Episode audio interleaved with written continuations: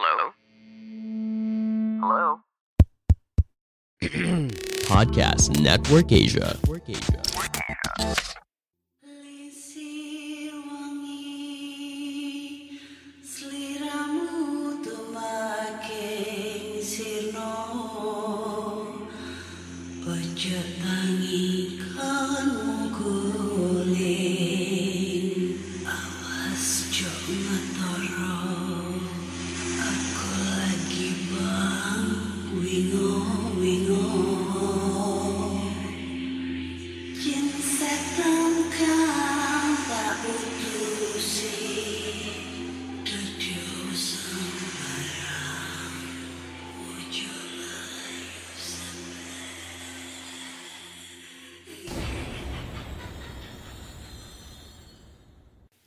Hai Re, iya apa kabar Ketemu lagi dengan aku si Ana di podcast kisah horor.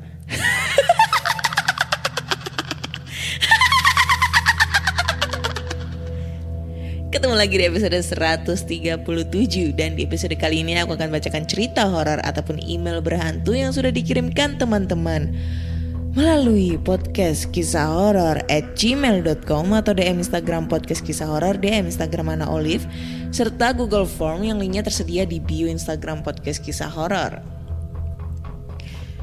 Oke, oke. Sebelum kita memulai untuk eh, membacakan cerita horor, ya aku mau berterima kasih buat teman-teman semua pendengar podcast kisah horor yang sudah memberikan aku support sampai detik ini, memberikan aku semangat di eh, apa ya, memberikan aku semangat supaya aku lebih cepat biar bisa move on lagi, biar bisa dapat jodoh lagi, biar bisa dapat cowok lagi ya. ya kemarin kan sempet sempet curhat masalah eh, ya mantan ya terus endingnya ternyata kemarin itu kita memang sudah tidak ada hubungan apa apa lagi. Sempat sedih depresi stres dan lain-lain tapi it's okay nggak apa-apa. Sekarang aku berusaha untuk bangkit lagi menjadi Ana yang seperti biasanya Ana yang selalu ceria, selalu bahagia, selalu semangat gitu ya. Walaupun diterjang, diterpa dengan cobaan apa pun aku selalu hadapi dengan senyuman ya kan bagus banget kan suara gue anjay Oke, by the way, anyway, Busway, gimana nih kabar kalian semuanya? Aku harap kabar kalian baik-baik saja ya. Terus kemarin juga sempet banget banyak yang ke DM, Kak Ana giveaway lagi dong, Kak Ana giveaway lagi dong, hahaha. Ya kemarin kan mana aja nggak ikutan giveaway ya, padahal juga rulesnya gampang banget ya. Eh, mungkin next time nggak ngerti eh, kapan ya deket-deket inilah pasti ada bakalan ada giveaway lagi nih buat pendengar podcast kisah horor ya. Mungkin eh, perayaan 1M listener atau 1M plays gitu kan. Pokoknya selalu dukung terus dukung terus podcast kisah horor. Jangan lupa follow podcast kisah horor di Spotify. Terus jangan lupa selalu ngedengerin podcast kisah horor dan nantinya kalau kalian sering ngedengerin nih ya pasti eh, aku bakal bakalan ngumumin nih tentang giveaway terbaru ya oke yang yang pastinya lebih mantap lagi ya karena eh, giveaway kita ini memang disponsori oleh Erigo jadi please buat Erigo ya karena setiap giveaway gue selalu pakai eh, brandnya Erigo. Mungkin kalau Mas Arif Muhammad gitu ya ngedengerin podcast aku gitu bisa dibantu buat sponsor gitu kan Erigo. Atau mungkin bisa dibantu untuk jadi salah satu brand ambassador atau mungkin dikontrak gitu supaya saya selalu mempromosikan Erigo. Ya kan? Dari kemarin itu eh, giveaway-nya juga Erigo Erigo gitu. Siapa tahu dapat ya sedikit sedikit peluang untuk podcast kisah horor dapat iklan nih dari Erigo. Mantep kan?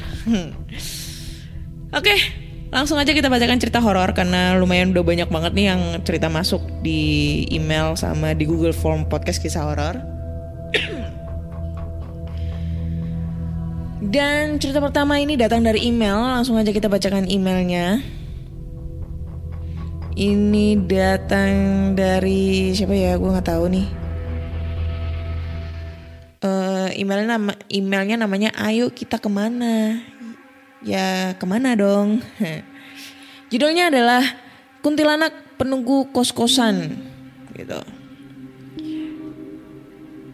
Kisah ini merupakan pengalaman yang pernah aku alamin saat kuliah dulu. Yang masih aku ingat sampai sekarang. Karena ini beneran bikin aku hampir jantungan saat ngalamin peristiwa ini.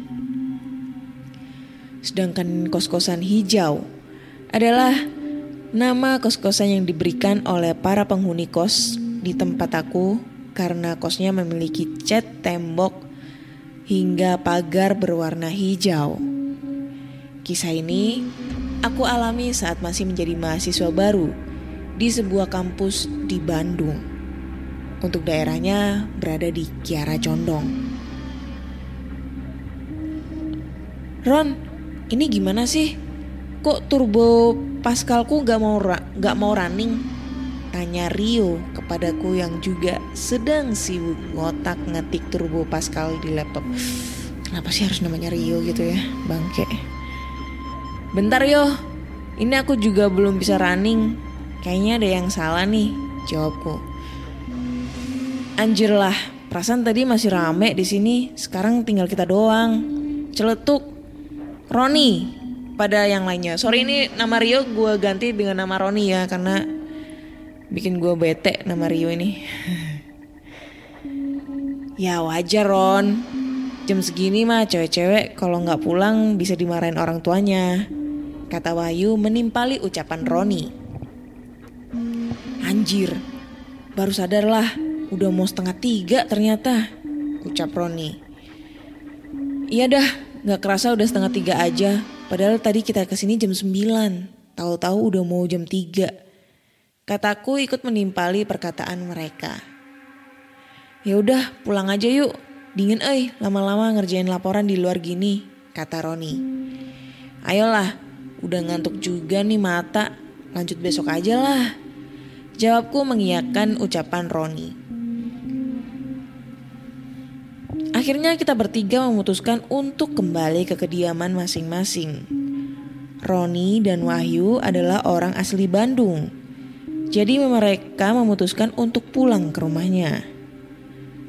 Pada saat itu sedang rame-ramenya isu geng motor di kota Bandung. Sedangkan aku pulang ke kosan dengan men- mengendarai motor. Sengaja aku pilih kosan yang cukup jauh dari kampus agar bisa lebih tenang saat belajar dan tidak ada teman yang mampir ke kosan.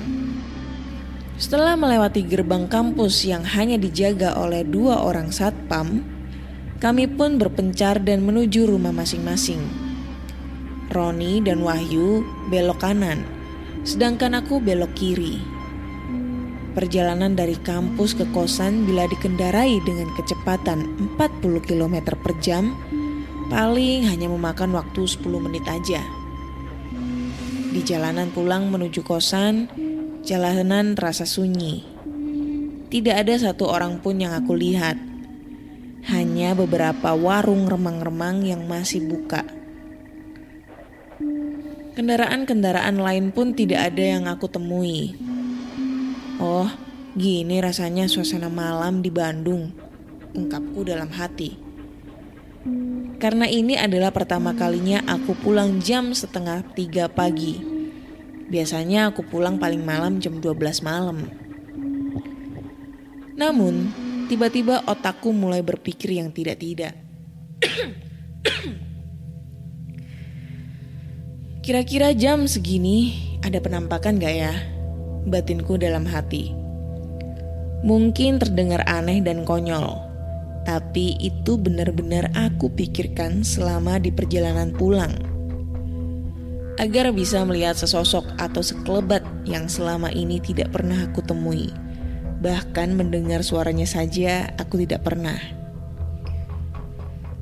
Sambil tola-toleh kanan kiri berharap menemukan makhluk tak kasat mata, tibalah aku di kosan hijau.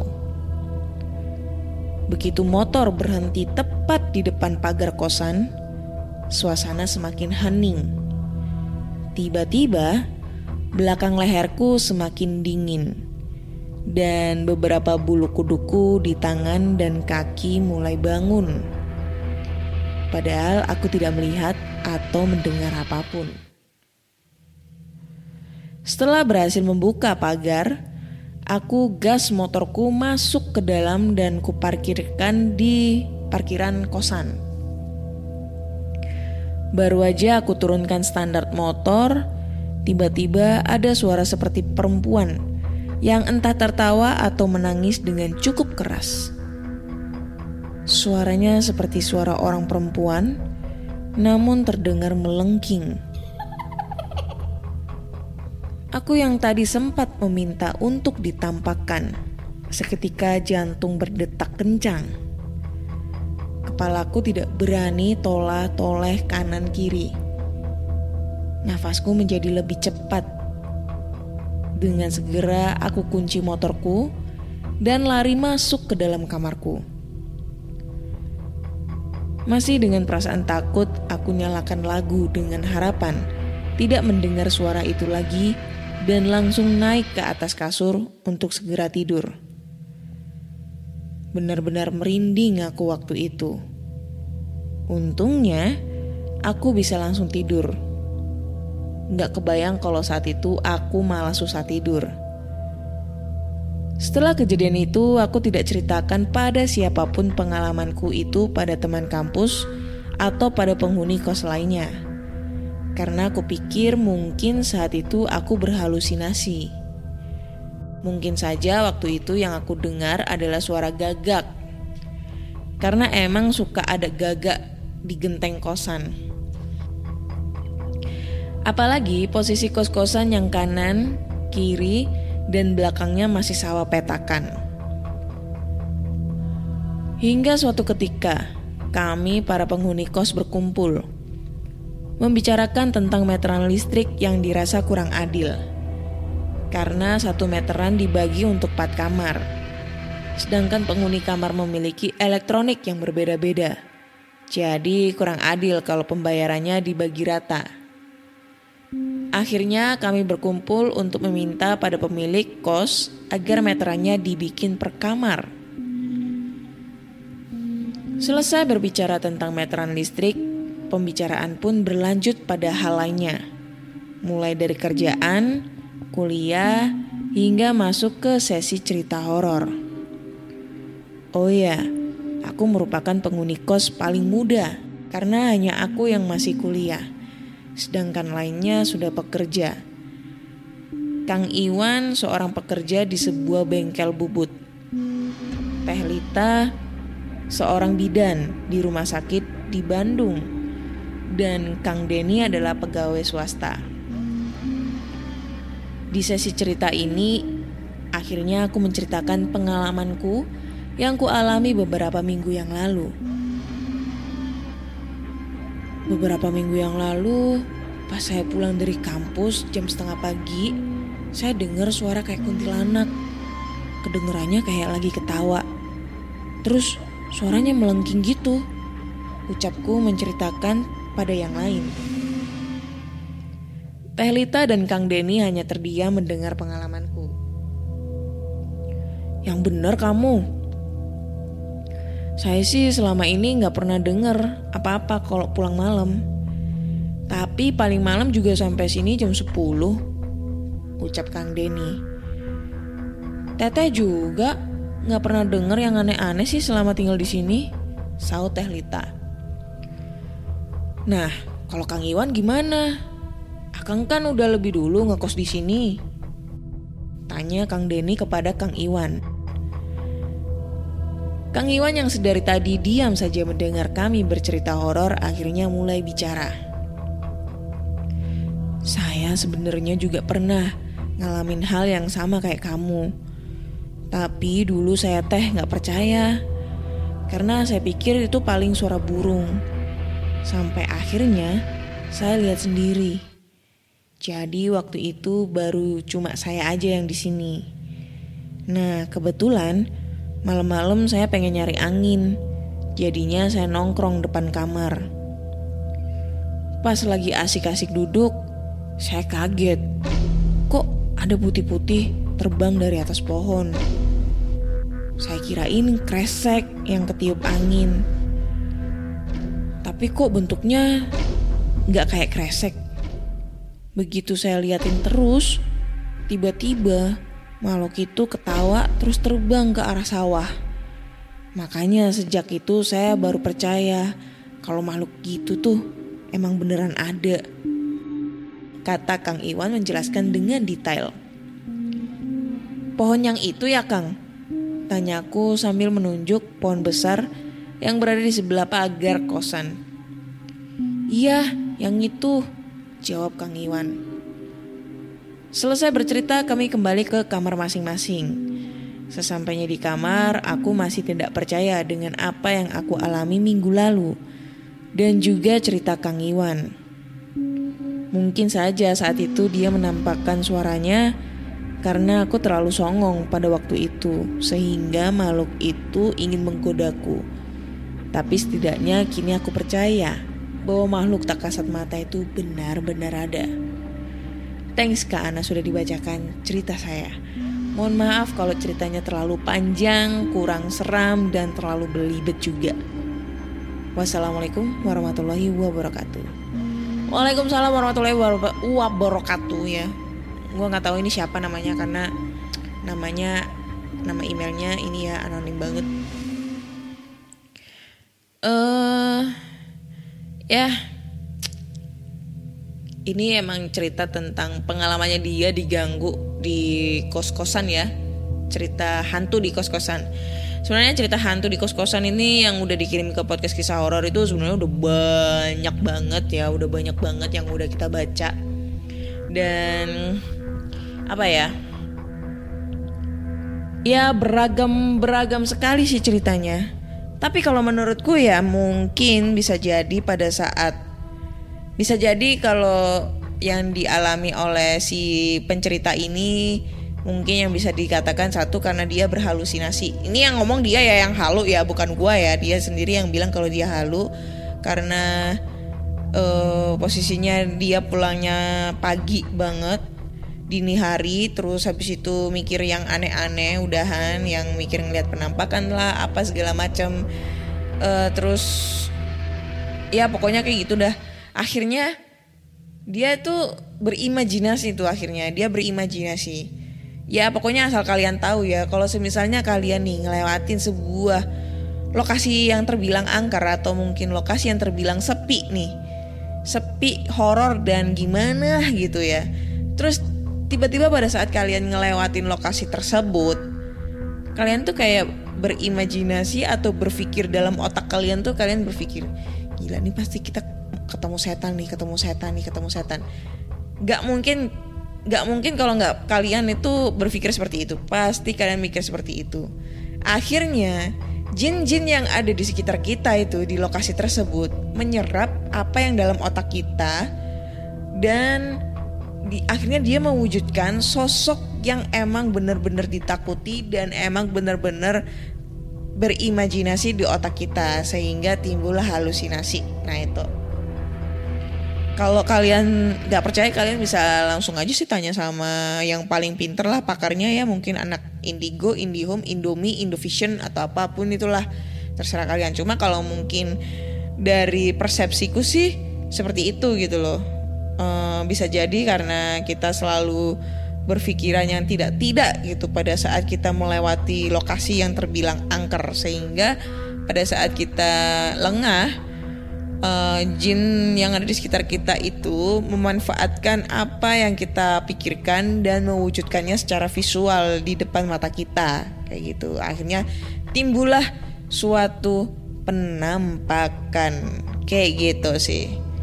Tapi kalau menurut gue ya dari sekian cerita horor tentang uh, apa namanya uh, diganggu pada saat di kos-kosan ini. Yang paling bener-bener gue men menurutku tuh serem banget adalah ada salah satu cerita.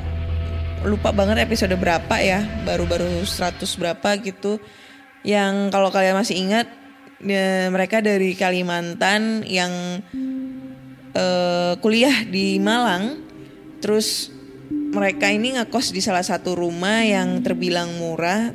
Tapi pada saat ngekos itu mereka ditampakin sosok-sosok yang ada di sekitar tangga. Nah, pas dan pas waktu itu juga dicek, dibongkar ternyata mereka menemukan jenazah yang berada di bawah tangga. Itu serem banget, gila, berasa kayak apa ya? Detektif atau mungkin kalau misalnya difilmkan nih berasa kayak pesan terakhir nih. Judulnya adalah pesan terakhir. Bener nggak sih? Itu menurutku yang paling serem, paling creepy dan apa ya?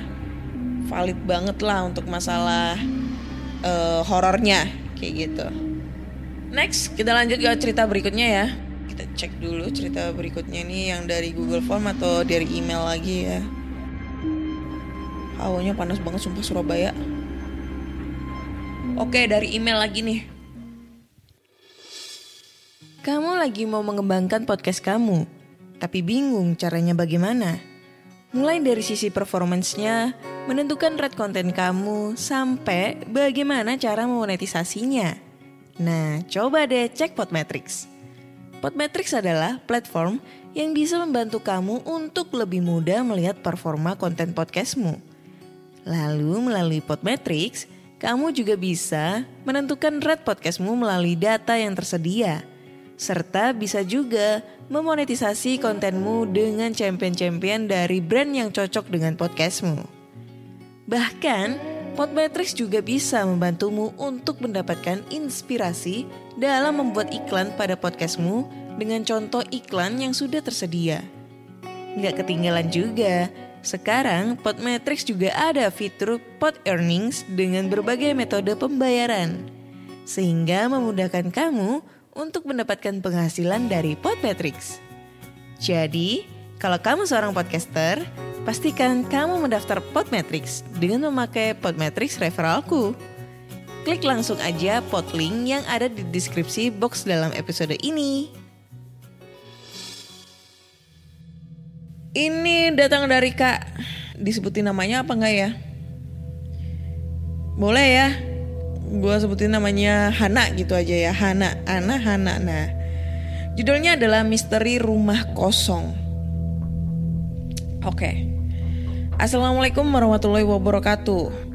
Waalaikumsalam. Halo Kak Ana. Kembali lagi aku mau berbagi kisah horor tentang sebuah rumah kosong di desa G, Kabupaten B, Jawa Tengah. Rumah kosong yang aku maksud adalah milik seorang bapak-bapak. Sebut saja namanya Pak Pardi. Pak Pardi ini seorang duda tanpa memiliki anak.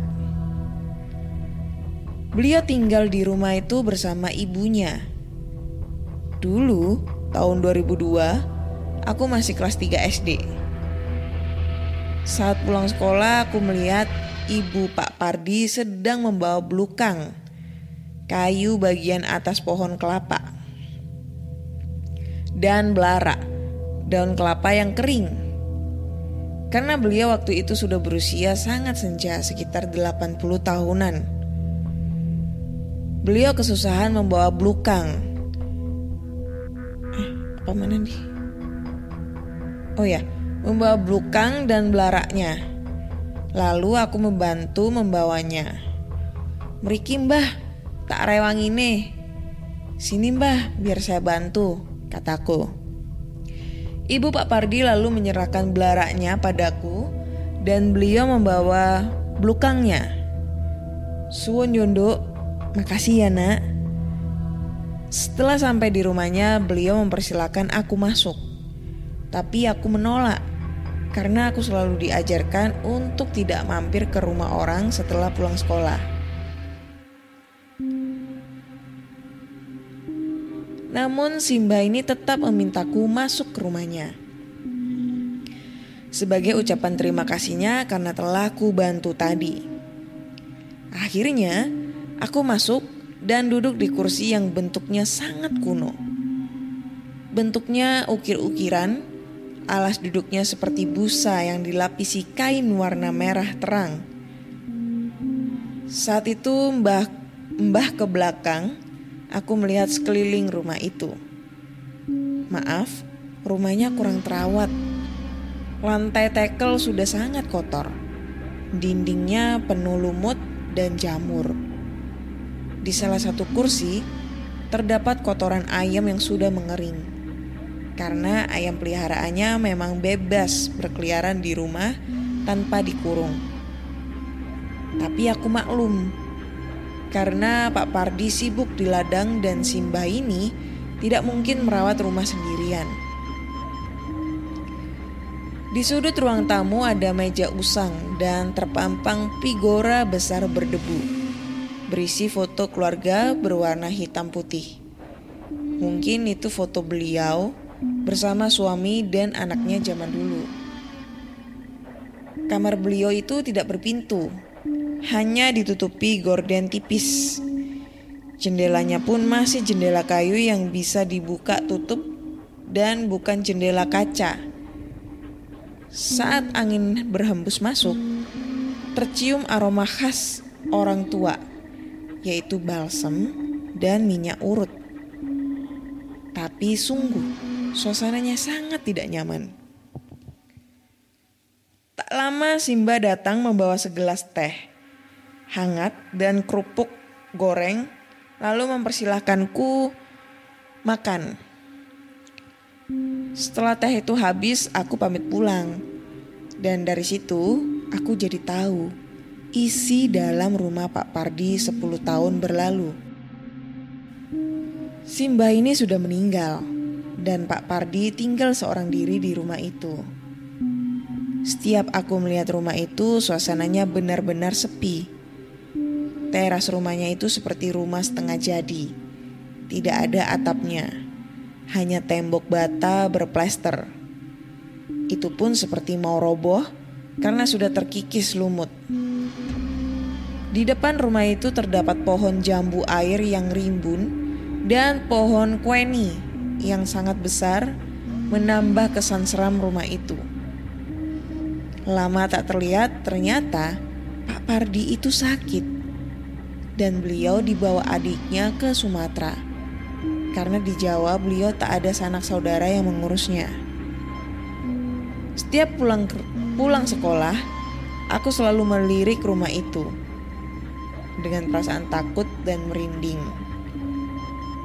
Beberapa bulan kemudian terdengar kabar Pak Pardi meninggal. Kini rumah itu menjadi kosong karena sanak saudara tidak ada yang mau menempati dan akhirnya terbengkalai saja kurang lebih selama empat tahun. Atau samping rumah sampai berlubang besar karena sering kejatuhan buah kelapa dan belara. Suatu malam, sepupu temanku namanya Mas Irfan pulang kerja sekitar jam 8 malam. Saat melintasi rumah kosong itu, motornya tiba-tiba mogok. Dia mencoba hidupkan lagi motornya, tapi tidak menyala. Sampai akhirnya ia mencium bau busuk seperti bangkai. Lalu terdengar bunyi keratak-keratak seperti kerikil yang tergilas roda. Bau itu semakin menyengat saat bersamaan di remang-remang kegelapan. Dia dikejutkan sosok makhluk dibungkus kain putih yang nampak berdiri di depan pintu rumah.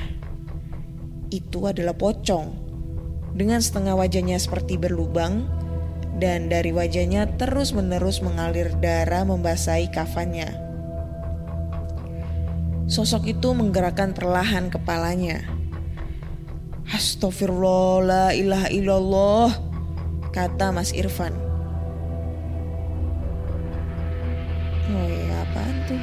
Apaan tuh?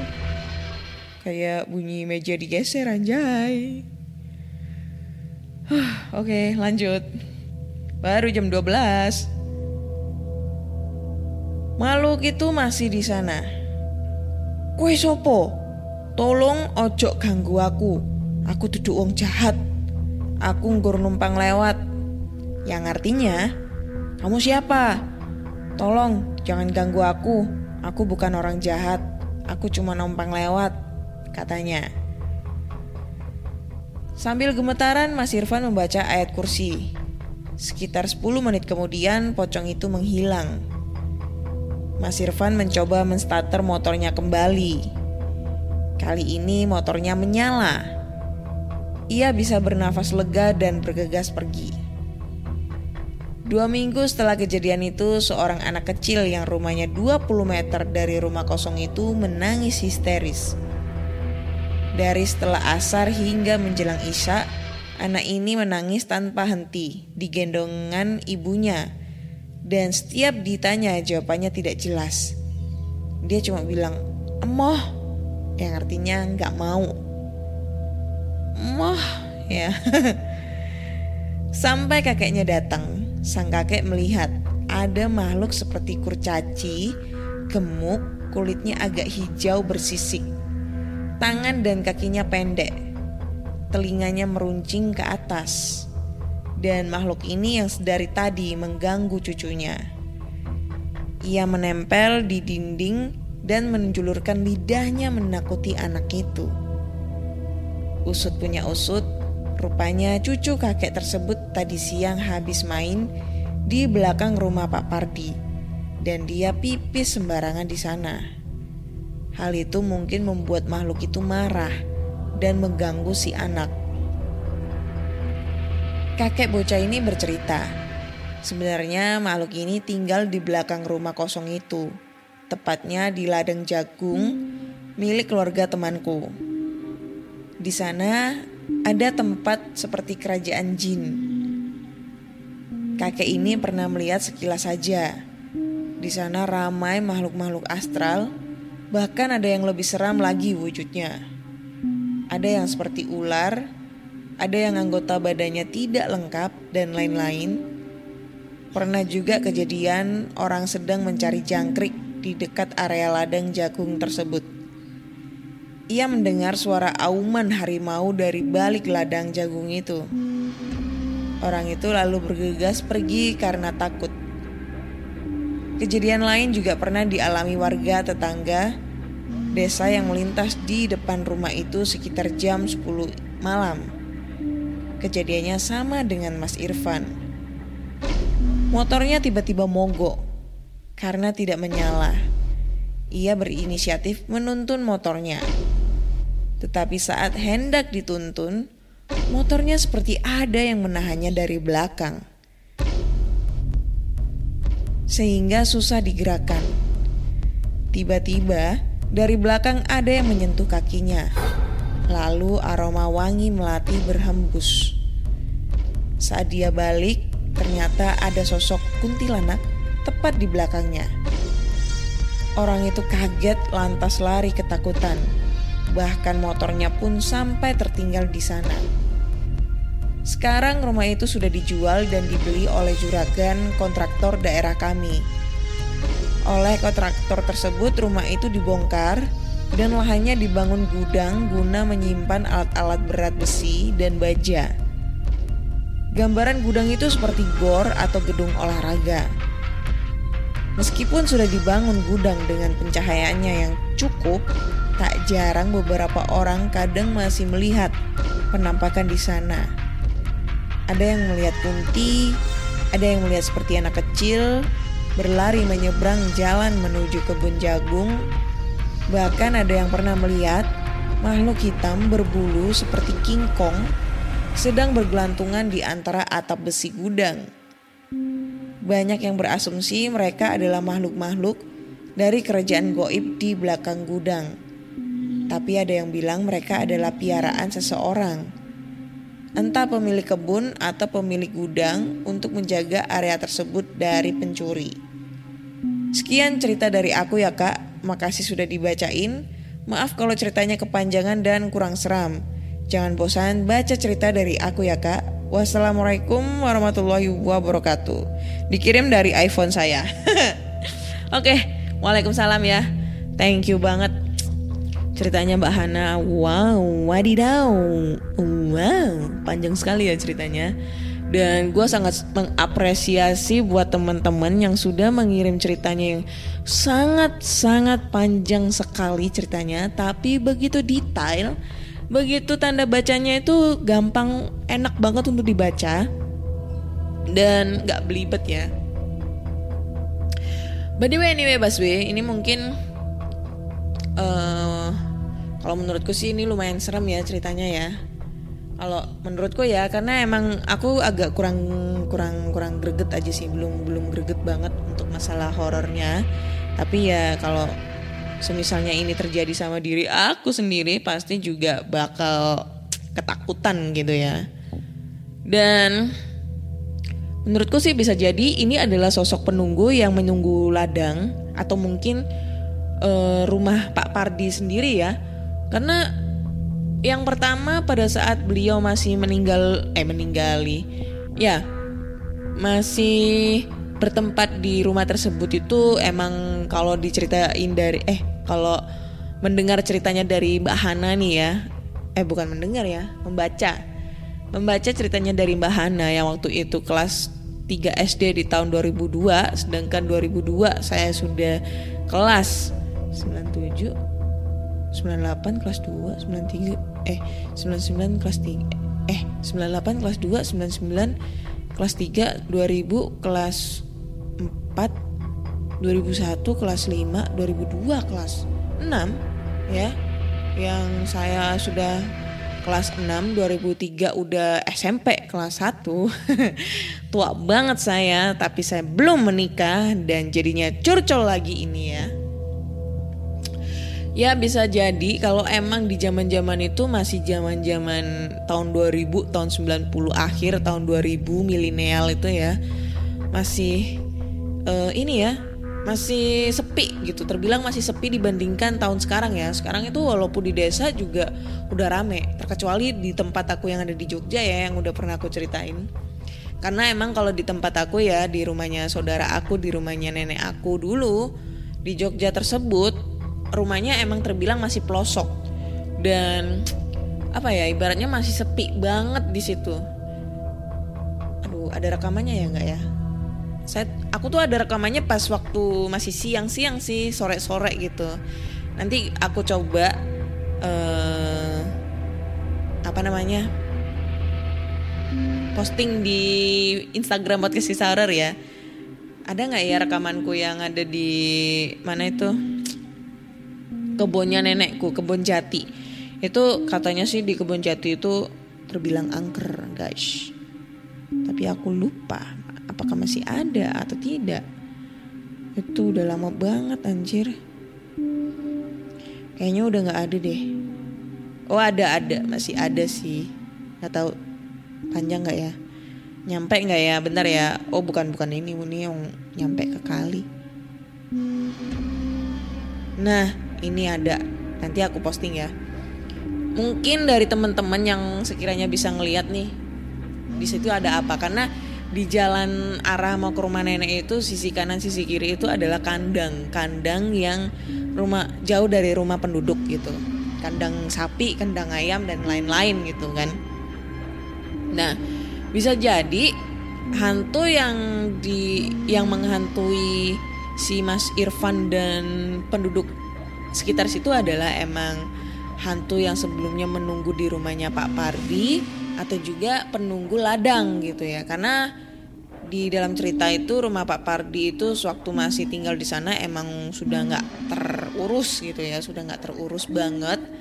Dan pada saat Pak Pardinya dibawa anaknya ke Sumatera ya Sumatera atau Sulawesi itu tadi rumahnya tambah tidak terurus kembali gitu loh. Udah udah ibaratnya udah mau ambrol udah terbengkalai banget. Apalagi kalau dibilang rumah tersebut itu arsitekturnya itu masih berasa eh, zaman lampau apa ya masih berasa pedesaan banget gitu loh ya.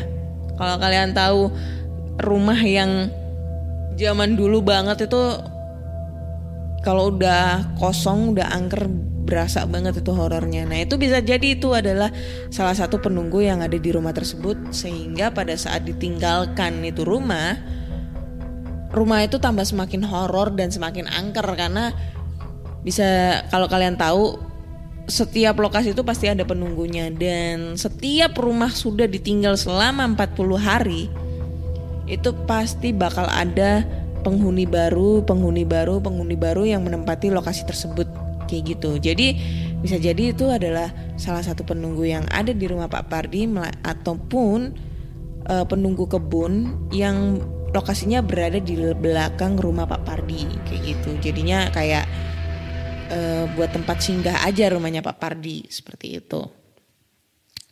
Thank you Mbak Hana buat ceritanya. Kayaknya ini menjadi cerita penutup ya uh, untuk episode 137 ini cukup dua cerita aja karena udah panjang banget sudah 38 menit hampir 39 menit uh, aku menemani kalian dalam cerita podcast kisah horor di episode 137 dan jika kalian mempunyai cerita horor ataupun email berhantu, kalian bisa langsung aja kirim ceritanya ke podcast kisah horor at gmail.com atau Google Form yang linknya tersedia di bio Instagram podcast kisah horor.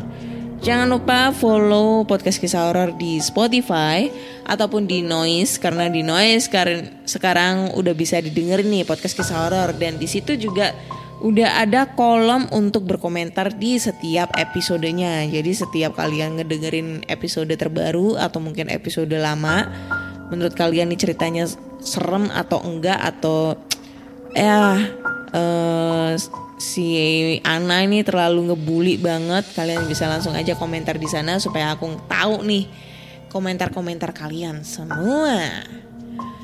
Terima kasih sebelumnya sudah mendengarkan podcast kisah horor sampai detik ini. Saya Ana undur diri dan sampai juda eh sampai juda. Sampai jumpa di episode berikutnya.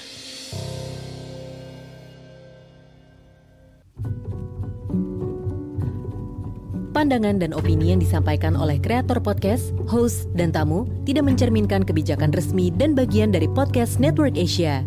Setiap konten yang disampaikan mereka di dalam podcast adalah opini mereka sendiri dan tidak bermaksud untuk merugikan agama, grup etnik, perkumpulan, organisasi, perusahaan, perorangan, atau siapa pun dan apa pun.